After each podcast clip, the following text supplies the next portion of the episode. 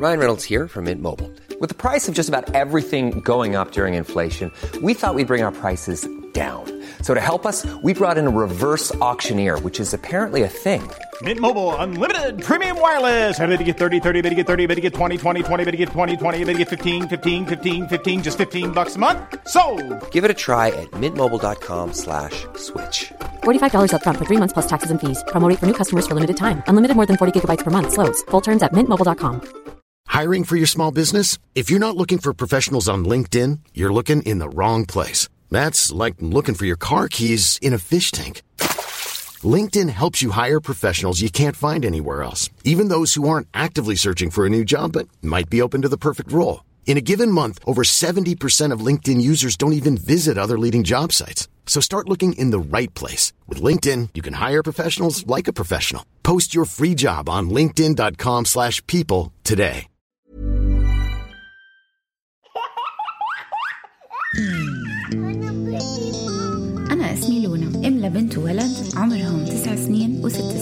أنا اسمي وسام أب لأربع أولاد. تتراوح أعمارهم من تسع سنين والسنة قررنا نبلش بودكاست ونحكي عن تجاربنا الحالية الحلوة والمرة وجوهره إنه أزرع بأولادي صوت داخلي إيجابي. لأنه يمكن الشبشب هو الشيء الوحيد المشترك اللي الكل بيقدر يربطه بطفولته. رح نحكي فيه عن الصعوبات اللي عم بتواجهنا. ومع إنه نحن مش دكاترة أو أخصائيين نحن أهل مثلنا مثلكم. تعامل مع مشاعرك قبل ما تتعامل مع طفلك. إنه بدنا نكون قدرنا نربي طفل متكامل الطباع. أساس التربية هي الوعي الذاتي. لأنه ما في شيء بيعلم الولد إنه يفقد السيطرة أكثر من فقداني أنا للسيطرة. يعني تربية الطفل بتحتاج لقرية. نحن حابين نكون القرية تبعتكم. قلت لي بابا اليوم كان أحلى يوم بحياتي. ولازم نحن نكون الجيل العربي الجديد اللي بيغير هذا الشيء بصير لما التربية تكون عن عمق كلنا بدنا يكونوا أولادنا أحسن أولاد. مش بعفوية. بس ليكونوا أحسن أولاد مش بعصبية. لازم نحن نحاول نكون أحسن أهل. ومش بالشبشب.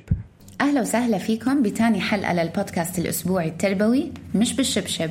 أنا اسمي لونا. وأنا وسام. بالحلقة الماضية حكينا عن التربية بهدف وكيف هذا الشيء ساعدنا بتركيز مجهودنا مع أولادنا على بنائهم.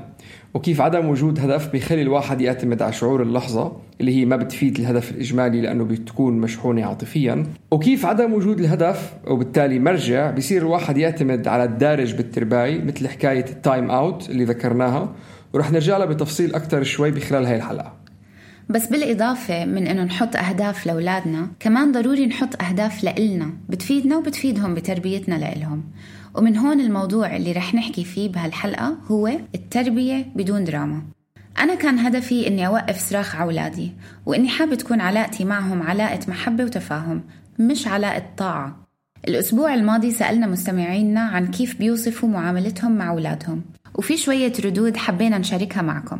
في مستمع وصفها بالنعيم الفوضوي وشخص ثاني بكلمة واحدة جهنم. وفي صاحبتي قالت لي عم تسأليني بلحظة فقدت فيها أعصابي على أولادي هلأ. مش مشكلتهم أظن. كان خلقي ضيق. شو أعمل بالنق؟ وكان رد تاني. التربية مثل البحر. رايق وهايج. حتى صرنا نعطي اختيارات للجواب. لنقدر نعمل نوع من الإحصائية. هل توصف التربية بأنها متعة متعبة مزعجة رايقة؟ رد علينا واحد. قالنا شو هي آخر كلمة استعملتوها؟ إيه والله من يوم ما حبلت ما شفت الرواق. وهذا الشيء ما أظن ما في أهل بالعالم ما بيعانوا منه. وأنا عانيت منه شخصيا لفترة طويلة. بالأول بس نقطة كتير مهمة نحطها ببالنا إنه نعرف التربية أساسها التعليم. ومثل ما بنعرف التعليم بصراخ وبهدلة وتصغير وأذى ما بيجيب نتيجة. لأنه أساسا الإنسان يمكن ينسى الكلام اللي بينقله بس مستحيل ينسى الشعور باللحظة اللي انقال فيها الكلام. هلا في دراسة تمت إنه النبتة اللي بتغنى لها لما تنسقى بتورق وبتكبر أعلى وأكبر من النبتة اللي ما بتغنى لها. أو إذا بتعملوا بحث على يوتيوب Japanese rice experiment اللي هو اختبار الرز الياباني اللي بتحكي عن ثلاث كوبايات رز بالمي. واحدة بتنشكر وواحدة بتنسب وواحدة بتنهمل كليا. بعد فترة اللي بتنشكر بتخمر المي بيطلع ريحة حلوة. والكوباية الثانية اللي بتنسب تسود المي واللي بتنهمل بيعفن الرز والمي. هدف الاختبار كان انه الإيجابية أو السلبية بتنتشر بذبذبات إلها آثار بكل شيء حوالينا. وهذا الشيء ذكرته بالمقدمة تبعتي عن ال wiring أو الأسلاك اللي بتصير بالدماغ واللي هي بتكون نتيجة معاملة مكررة. مثل ولد إذا بطنه وجعه بالمدرسة واتصل بأمه تيجي تاخده وراحت أخذته. بتبلش بتكون نوع من الفكرة إنه إذا أنا اتصلت بأمي أمي بتيجي بتاخذني وعلى تكرار هي بتعمل جسر ذهني بين وجع البطن أو بين اتصال أمي على مرض وبين إنه هي تيجي تاخذني هذا مثل صغير بس بأي شيء نحن بنعمله مرارا وتكرارا إذا بتحكي لولد إنك أنت ذكي أنت شاطر أنت حمار أنت أهبل أنت بتفهم. بتكون صورة بتكون أسلاك. بدي أدخل معلومة يمكن دسمة شوي بس أساسية لفهم كيف عقل الإنسان بيشتغل. مخ الإنسان مهيأ ليتعامل مع الصعاب بآلية نجاة أو survival mechanism اسمها القتال أو الهرب اللي هي بالإنجليزي fight or flight response. ردة الفعل هاي غريزية. وذهنيا بتحلل كل موقف بيتقدم لنا ليحل إذا هو موقف طبيعي أو موقف فيه خطر. وإذا في خطر الردود بتكون يا أما أحاربه أو أهرب منه. الجزء من المخ اللي مسؤول عن هاي الشغلة اسمه الأميجدلا أو بالعربي اللوزة. منطقة صغيرة بالمخ متواجدة بقاعدة الجمجمة. هو يمكن الجزء الوحيد اللي ما تطور من وقت أسلافنا بأيام رجال الكهف. يمكن أياميها النمر أو الحية كان خوف دائم بس اليوم مخ الإنسان ما بيميز بين نمر بده يقتلني أو لحظة فيها توتر أو ستريس بالنسبة للمخ الخطر والضغوطات اليومية كلها بتشكل تهديد للبقاء وبالتالي مخنا بيتعامل معه بنفس الطريقة. هلأ الإنسان بيولد هيك بالفطرة ولما يكونوا بلحظة ضغط هاي ردة الفعل الدماغية بتتفعل ولما تتفعل تطغى على باقي الوظائف الدماغية كلها. فلما يكون باقي المخ مطفي كل أمور المنطق والمشاعر والتحليل والفهم مسكرة والشي الوحيد الشغال هو الضرب أو الهرب. مش وقت لإلك إنه هلأ توجه أو تشرح أو تربي ابنك. مثلا في ولد وقع وعم يبكي. بهديك اللحظة هو فايت على ال fight or flight response mode ومثل تاني إنه هو عمل إشي غلط. عم بيلعب وإنت بردة فعل فقدت السيطرة عليه فبلشت تصرخ. هو تلقائيا بيشوفك كتهديد لاستقراره وكمان بيفوت على ال fight or flight وبتفقده. شو بيصير إذا نظرنا على تصرفات أولادنا من منطلق إنه هن عم بيحاولوا يتواصلوا معنا؟ قصدي إنه تصرفاتهم تحكي الأشياء اللي هم لسه مش عارفين يعبروا عنها بالكلام. الأسباب اللي الأطفال بيعملوا اللي بيعملوه يمكن تمرق من تحت رادارنا لأنه نحن مركزين على التصرف بدل ما نحاول نفهم السبب.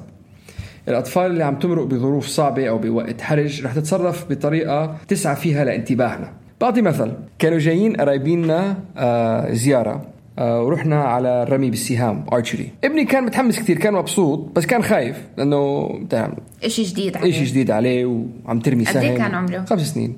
وفي صوت عم بيطلع وفي حماس وفي ناس كتير وهو ضايع بالنص وكل شوي خليك بعيد بس بس هو بده يلعب بس هو خايف بنفس الوقت. فإنه منكد علينا انه خلاص يلا خلاص قوموا ضبوا أغراضكم نرجع البيت وقفنا اليوم. بس واحد من الناس اللي كانوا هناك آه، واحد من الناس اللي عم يشتغلوا جاب سهم صغير وبو. شو بو؟ قوس. قوس. جاب قوس وبو صغير وإجا مسك له إيديه وبلش يحطه ويرمي السهم. وخلاص حلت المشكلة. طار عقله فات بالجو الإيجابي في حدا فهمه في حدا, في حدا فهم عليه. وتغيرت القصة كليا وبدال ما كنا نترك بكير قد ما فات بمزاج عالي يعني ما نكد وتعب ونعس سهرنا أكثر من المفروض نضلنا قاعدين فيه يعني. بس هذا مثل صغير كيف إنه اللحظة الشيء اللي صار هو بس نقطة كانت هو عم بيحاول يشرح لنا شيء ومش عم بيعرف كيف. وهذا الشيء اللي هو إنه الصعوبة بالتعبير للأولاد بضل بيتطور معهم بكل أعمارهم وبكل المراحل. يعني مش بس زي ابن وسام عمره خمس سنين أو مثلا بنتي اليوم عمرها تسع سنين ومش عم تفهم ليه صحباتها عم بيعاملوها بطريقة معينة بالمدرسة. بترجع على البيت زعلانة وما عارفة لا تقول لي ليه هي هيك مشاعرها ولا عارفة حتى تتعامل معهم بالمدرسة. أو حتى يعني ولد أو بنت عم بيمروا بفترة المراهقة وفي كتير تغيرات عم بتصير بجسمهم أو حتى بعقلهم وبأحاسيسهم ما بيعرفوا يعبروا عنها. وحتى, وحتى كبار. الكبار كمان yeah. لليوم يعني. في كتير ناس بيروحوا على أطباء نفسيين وبيسألوهم أنا ليه هيك عم بحس؟ أنا ليه هيك عم بيصير فيني؟ كلها منبعها عدم فهم الشعور والقدرة على التعبير. وإحنا كأهل أهم إشي نسعى له إنه نحط الكلمات المناسبة للمشاعر. هيك بنبني الوصلات الدماغية بين جزء الدماغ تبعنا اللي بيفكر بالمشاعر والجزء الجزء اللي بيفكر بالتصرفات. اللي هو الجزء الأيمن والأيسر للمخ. هي, هي الجزر اللي بت... الجزر. وين موجودة؟ المهم نرجع لبدائل بالمعاملة مع أولادنا بدون صراخ.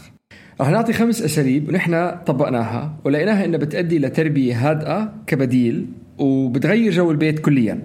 وبتخلي الولد يفهم النقطة اللي عم نحاول نوصل له إياها بطريقة رايقة. بدل ما نعصب. أول وحدة. وقف وفكر.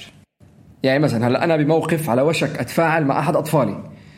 مش عم بيرد علي عدت الشغلة 700 مرة ما عم بيوقف متأخر لأترك البيت وبنتي مش عم تجاوب معي.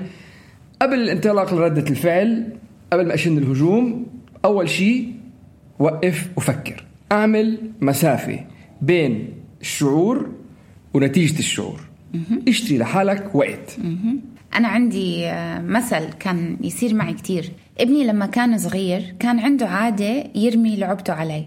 كان يضل يعيدها مهما قلت له يوقف. جربت كل شيء قصصته صرخت عليه صرت آخذ منه اللعبة بس الشغلة العمل ما عم بيتغير بس لما أبهدل طفلي أنا هيك هل أنا علمته شيء عن السيطرة عن النفس أو الصبر أو أهمية عدم رمي الأشياء؟ البهدلة بتعلمه أنا لما أرمي اللعبة على ماما رح تنتبه لي لأنه بالنسبة لأي طفل أي ردة فعل من الأهل إن كانت إيجابية أو سلبية هي بآخر النهار عطته الانتباه اللي بده إياه بدون أي درس مهم. فلنرجع على موضوع وقف وفكر. أنا اليوم قبل أي ردة فعل لشغلة عملوها أولادي وما عجبتني بوقف باخد نفس بعمل مسافة بشتري شوية وقت بين الشعور وردة الفعل اللي رح تطلع مني عشان أسأل حالي ثلاث شغلات. أولا ليه طفلي عم بيعمل هيك؟ ثانيا شو الدرس أو المهارة اللي بدي طفلي يتعلمها؟ وثالثا شو أحسن طريقة أعلمهم هاي الشغلة؟ لما أفقد سيطرتي وأعصابي وأرد عليهم بعصبية أنا عم ببلش نمط أو قدوة دافعها الدراما والخناق بس إذا عبطت طفلي وعطيته كل الاهتمام وبعدين حكيت معه على مستوى هيك بكون عطيته الأدوات اللي بتعلمه يعمل أحسن المرة الجاي في مثل تاني يعني كانوا كتير أولادي يعملوها بهاي الفترة. يلاقوني بالمدرسة عم بحكي مع معلمة أو أم تانية ويجوني ماما ماما ماما اسمعي. أتنرفز أبطل مركزة على الحديث اللي عم بيصير بيني وبين حدا تاني ومركزة ومعصبة إنه ليه هيك؟ فبعد ما صرت أطبق موضوع وقف وفكر مرة رجعنا على البيت قلت لهم بدي أعلمكم إشي جديد.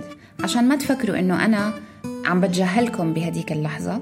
المرة الجاية اللي بتشوفوني فيها عم بحكي مع حدا كبير ما تقطعوني مع الناس. بس تعالوا عندي حطوا إيدكم على إيدي. وأنا حاخد إيدي التانية وأحطها على إيدكم إنه أنا شايفتكم ورح أرد عليكم أول ما أخلص الجملة الجاي وعن جد مثل السحر يعني أخذت مرة مرتين تدريب بس بعد هيك من هديك الفترة لهلأ ما بعمرهم قطعوني لأنه فهموا لأنه ما عصبت عليهم قلت لهم خلص حاجة تقطعوني أنتم ما بحلالكم تيجوا تقطعوني غير أنا عم بحكي مع بني آدمين. فتعلموا الدرس بطريقة هادية وحنونة ووصلت الرسالة. ثاني نقطة تفاهموا مع أولادكم بالأوقات المناسبة.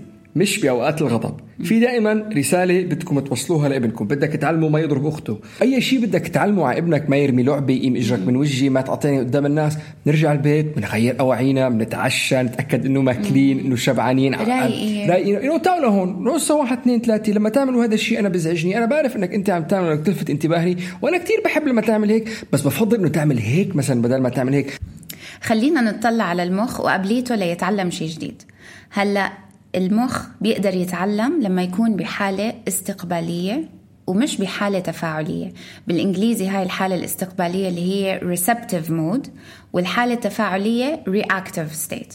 أنا مثلا بنتي بتحبني أنا يما مع إنها كبيرة عمرها هلأ تسع سنين قريب العشرة. دائما بتقولي بابا تعال نام جنبي. لأنه بهي اللحظة عم تعطيني انتباهها 100% وقاعدة عم بتركز على الحكي اللي عم بحكيه. وعلى فكرة هم الأولاد بالليل هداك الوقت قبل النوم بيطلع منهم كل الحكي. إذا بدك تعرف شو عم بيصير بحياة أولادك بالضبط. اقعد معهم قبل ما يناموا. لونا ركزي شوي. أوكي.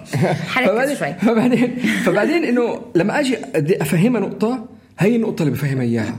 مش والله متأخرين على المدرسة وراكبين بالسيارة وصار لها ساعة مش عم تلبس بإجرة وما أكلت السندويش وبتاع وقاعد بالسيارة وعم بعطيها محاضرة بالسيارة. ما راح تفوت المعلومة. راجعة من البيت وبعدها مش ماكلة وبعدها جوعانة بدك تشرح شيء لابنك؟ ما تشرح باللحظة. أوكي. بدي أعطي مثل صار قدامي مرة ببيت وحدة بعرفها. بطلت أعرفها. بطلت أعرف آه، ابنها وقع على الدرج. كان عم بيركض ووقع وهلأ عم بينزل دم من إجره. بهديك الفترة يعني من الخضة والخوف الأم ركضت للولد وحتى قبل ما تحمله أو تتفحص إنه هو بخير بلشت تصرخ عليه. شفت؟ كم مرة قلت لك ما تركض بالبيت؟ ليش ما بتسمع الكلام؟ خرجك بتستاهل. كم مرة مرق عليكم هذا السيناريو؟ أنا متأكدة صار قدام كتير ناس. جنينة بالبارك. جنينة بالبارك. دائما. آه. هلأ الولد كان عم بيبكي. المخ عنده متفاعل. والأدرينالين عم بيدور بدمه. fight or flight mode وخايف من منظر الدم. بدل ما الأم تحاول تخفف عنه وتسهل عليه وتتأكد إنه بخير قعدت تبهدله هلأ ولا كلمة من الكلام اللي انحكى لهالولد بالبهدلة دخل على مخه وتمركز. كل اللي هو سمعه أو شافه هو غضب وصوت عالي. بس بتعرفوا شو تعلم؟ تعلم إنه أنا أمي بدل ما حتساعدني حتعصب علي. وعلى فكرة من هون منبلش إحنا كأهل نزرع خصال إنه مثلا التخباية أحسن أو الكذب أسهل. الولد بصير بيقول اللجوء لأهلي ما حينفعني ما حيجيني منه غير وجع الرأس. فأول شيء كان لازم مثلا الأم تعمله كان لازم تهدي جهازه العصبي ال nervous system عشان يرجع المخ لحالته الطبيعية. يعني ت- هلأ تخيلوا ابنكم بحالة توتر وبدكم تخففوا عنه. قبل ما نبهدله قبل ما نعلمه الرسالة شو فينا نعمل؟ لأهديه ما فيني أحكي معه ليهدى كيف فيني أهديه؟ أول إشي دائما بيقولوا انزل لمستوى نظر الطفل. لأنه لما الولد يشوف حدا كتير طويل واقف فوقه هيك الموقف بخوف بصراحة. إذا أنت بتقيسها على حالك كمان لما تحس حدا عم بيحكيك من فوق أو عم بيحكيك بفوقيه أو عم بتعالى عليك أو هي الطبقية اللي موجودة ما ما كثير بتاخذ الحكي اللي عم بتقوله. بزعجك بتحس حالك صغير بتحس حالك مش كثير مهم.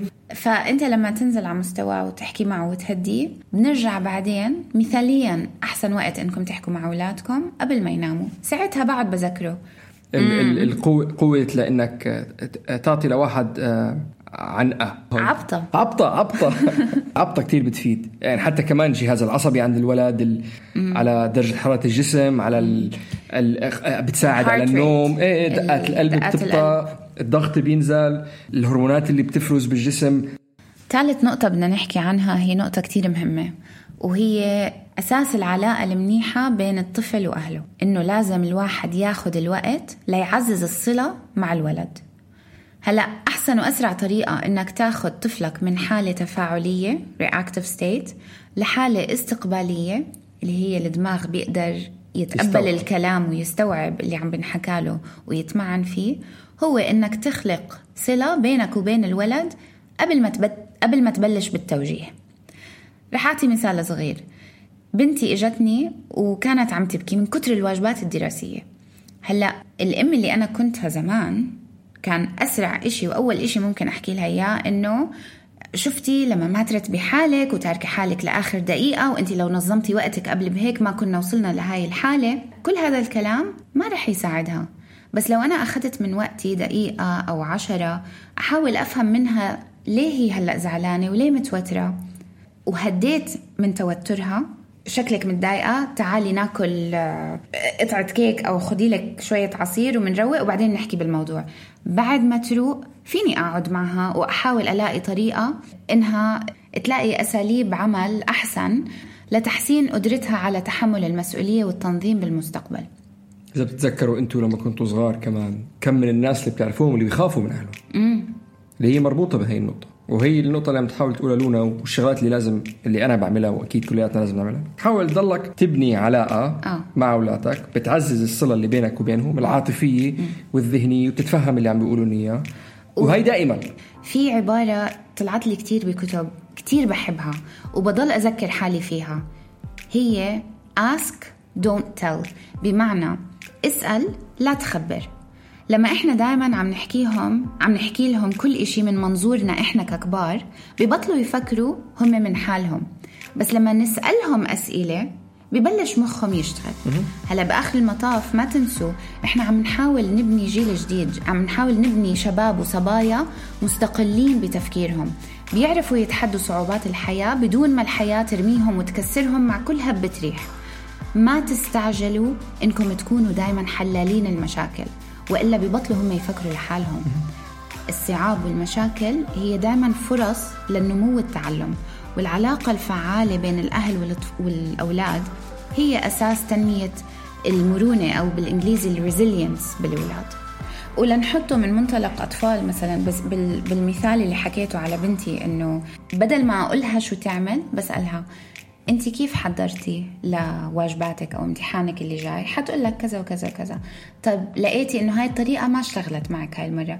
إيش فيكي تعملي المرة الجاي وخلوا الجواب يطلع منها حتى لو الجواب غلط حتى الاقتراحات اللي هي عم تحكيها حتى لو ما كانت اقتراحات منيحة. ما عليه خليها تجربها وخليها تغلط. إذا ما خليناهم يغلطوا هم وصغار والله غلطات الصغر أسهل بكتير من الغلطات اللي حيغلطوها على كبر. النقطة الرابعة. هي ذكرناها بالحلقة اللي فاتت. أعيدوا التفكير بمفهوم ال time out آه هذا شيء مثل ما حكينا دارج وكنت أنا أعمله لأنه كل الناس اللي حوالي بيعملوه وكنت أهدد فيه. بعمل لك time out بعمل لك time out بناء على النقطة اللي قالتها لونا إنه نحن بدنا نعزز الصلة اللي مع أولادنا، بدنا إياه وبناء كمان للنقطة اللي حكيناها من قبل إنه هن يقدروا يفهموا مشاعرهم ويقدروا يعبروا عن حالهم. إذا تطلعوا على كل الشغلات اللي حكيناها من قبل، هذا ال time out اللي عم نعمله، هل عم بيساعد بإنهم يكون في يقدروا يسي- يسيطروا على مشاعرهم، على يقدروا يفهموا مشاعرهم، يقدروا يعبروا عنها، آه، بتعزز الصلة اللي بيننا وبينهم بتزيد الثقة اللي بيننا وبينهم. رح تلاقوا بمعظم الأحوال ما عم بيعمل شيء. أنت عم تحط الولد بالزاوية الولد قاعد ما يعرف شو بيعمل ما عم بيفكر. الولد اللي عمره أربع سنين عم بيفكر باللي عم. بحس حاله معزول. أنت ليه عزلتني؟ بس الشغلة الثانية كمان أنا يعني واحدة من بناتي لما كنت أحطها بت... كانت تقعد تلعب ما تفهم شو عم بعمل. تقعد تلعب. إنه بحطك time out تحطها time out تلاقي قاعدة عم بتغني وعم تلعب و... استنى في شيء مش عم بزبط. بدل ما تحطوهم بال time out اعملوا لهم منطقة هادية. روح اقعد فكر بالموضوع. اقعد روق سيطر على مشاعرك افهم شو اللي صار. على موضوع المنطقة الهادية يعني بدل ما بعد ما تقول بدل ما تقول لابنك أنت مقاصص روح على ال time out آه أنا تعلمت شغلة كتير حلوة تعلمت أسلوب من معلمة ابني لما كان بالروضة لما كان عمره ثلاث سنين. وبحب أقول لكم لغاية اليوم صار عمره تقريبا سبع سنين. لهلأ هو بيلجأ لهاي العادة لما يزعل. المعلمة كانت تقول له لما يكون معصب أو زعلان بالصف آه أنا شايفة إنك متضايق بس هلأ أنا ما بقدر أساعدك لحد ما تروق شوي. شو رأيك تاخد لعبة أو كتاب وتروح على منطقة رايقة بالصف وتفكر بشو اللي ضايقك. بس تخلص تعال وبنحكي بالموضوع. لاحظوا كيف ما حسسته هي بالذنب ولا أنبت له ضميره. بس عرفته إنه الواحد لما يكون زعلان أو معصب ما بيعرف يفكر مزبوط وما تنسوا تحكوا بالموضوع بعد ما يهدوا الأولاد. إحنا ما عم نحاول نتخلص منهم أو ننساهم. إحنا بدنا نعلمهم درس عن تهدئة الأعصاب. آخر شغلة كون موجود لطفلك حتى لما يتعامل بطريقة خاطئة. إنه مش نحن لما تعمل شيء صح أنا بحبك ولما تعمل شيء غلط أنا ما بحبك. أو مش بالضرورة هي من أولى لفظيا بس هي بتبين عنا كردة فعل أو من تعابير وجه بتيجي. لما يكونوا بأسوأ حالاتهم هن بيكونوا دائما بأمس الحاجة لكم أنا شغلة مثلا أنا بنتي بالنسبة لها كل شيء بالنسبة لها emotional meltdown بتبكي بتبكي بتبكي بتبكي بتبكي. أنا بالنسبة لي هذا بصير يضرب على الوتر. bang bang bang bang bang بتصير عم بتعد للعشرة وعم بت عم بت عم بت- وبتبلش ت- ت- ترج وعيني عم بتغمض وبدك بدك تنفجر. بكفي بك شو بعمل؟ بحطها بالأوضة بعبطها. بقول لها بابا أنا حتى لما تكوني عم تزعجيني حتى لما تكوني عم تبكي حتى لما تكوني بهالطريقة بدي إياكي تعرفي إني أنا بحبك. أنا هلأ اللي عم بتصرف معك ما بتصرف معك لأني ما بحبك أو لأني منزعج منك. سيطري على مشاعرك وقفي بك وتعالي نتفاهم. بالضبط. ولما تيجي بعد عشر دقائق بعد ربع ساعة بعد الوقت اللي هي بتاخده بتيجي أول شيء بعمله بقول لها برافو عليكي بأنك عرفتي تهدي. بس كيف حاسة هلأ؟ قبل خمس دقايق كنت. كتير زعلانة. شوفي انت كيف هلا؟ هلا فينا نحكي. بس أهم إشي لما مثلا ابنك عمل شي غلط وبعته على الأوضة الرسالة اللي حيفهمها أنا بابا بس بحبني لما أتعامل مع الدنيا على ذوقه. وبعدين لما ورجيه وقول له دايما حتى لما أكون معصبة عليك ما معناته إنه أنا ما بحبك. فبالختام ملخص اللي عم نقوله يمكن معظم الحكي اللي عم نحكيه منطقي وهو دائما تطبيقه اللي صعب بس إذا بنكتبها وبنذكر حالنا فيها شوي شوي بنبطل نتكل على الشعور العفوي وبنلاقي حالنا عم نتطور بالمعاملة. فلما تشوفوا أولادكم يوميا عم بيعملوا شيء بيزعجكم أو عم بيعصبكم تذكروا إنه التربية معناها التعليم. ولما يكون الشخص بال fight أو flight mode اللي حكينا عنها ما رح يقدر يفهم والطفل ما رح يقدر يفهم. تذكروا الخمس نقاط اللي حكيناها. أول وحدة وقف وفكر اعمل مسافة بين الشعور اللي عم تشعره وردة الفعل واسأل حالك ثلاث أسئلة ليش ابني عمل هيك؟ شو الدرس اللي بيعلمه إياه؟ وكيف أحسن طريقة بقدر أعلمه إياها؟ تاني شيء تفاهموا بالوقت المناسب بعد ما اثنيناتكم تروقوا وتكون أنت قادر تشرح وهن قادرين يستوعبوا مرق الرسالة اللي بدك تمرقها انزل على مستواهم احضنهم قل لهم إنك أنت متفهم قل لهم انه كل المشاكل إلها حل خلينا نشوف كيف رح نحل هي المشكلة. ثالث شيء خذوا وقت إنكم تعززوا العلاقة مع أولادكم. ما يكون الاحتكاك الوحيد بس وقت ما الطفل يعمل شيء غلط. رابع شيء أعيدوا النظر والتفكير بمفهوم ال time out خامس شيء كون موجود لطفلك وعبر لطفلك إنك بتحبه دائما حتى لما يسيء التصرف. خليه يعرف بنص الخناق وحتى لما يصير في انفجارات خليه يعرف دائما إنه هذا ما معنى إنه أنا ما بحبك. أنا دائما بحبك موجود دائما. إذا حابين تعرفوا معلومات أكثر على هدول الخمس نقاط آه هذا كان كتاب كتير أثر فيني. اسمه No Drama Discipline من الكاتب دان سيجل. إن شاء الله تكون حلقتنا عجبتكم اليوم. آه بالحلقة الجاية رح نحكي عن موضوع بيفيد الأهل. هو موضوع السلف لاف أو حب الذات. آه واختلافه عن الأنانية. ما تفكروا عم نحكي عن الأنانية. وليش هذا شيء كتير جوهري؟ آه بيساعد كتير بالمعاملة الرايقة بيساعد كتير بالمعاملة الهادية. شكرا كثير لرنا أبو خليل من ارت جار لكل الجرافيكس وليوسف عيسى وائل شبعاني للموسيقى إلى اللقاء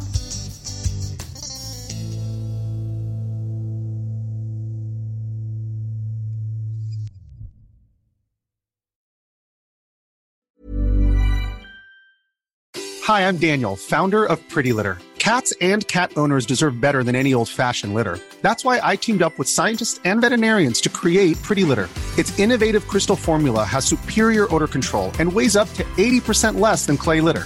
Pretty Litter even monitors health by changing colors to help detect early signs of potential illness. It's the world's smartest kitty litter.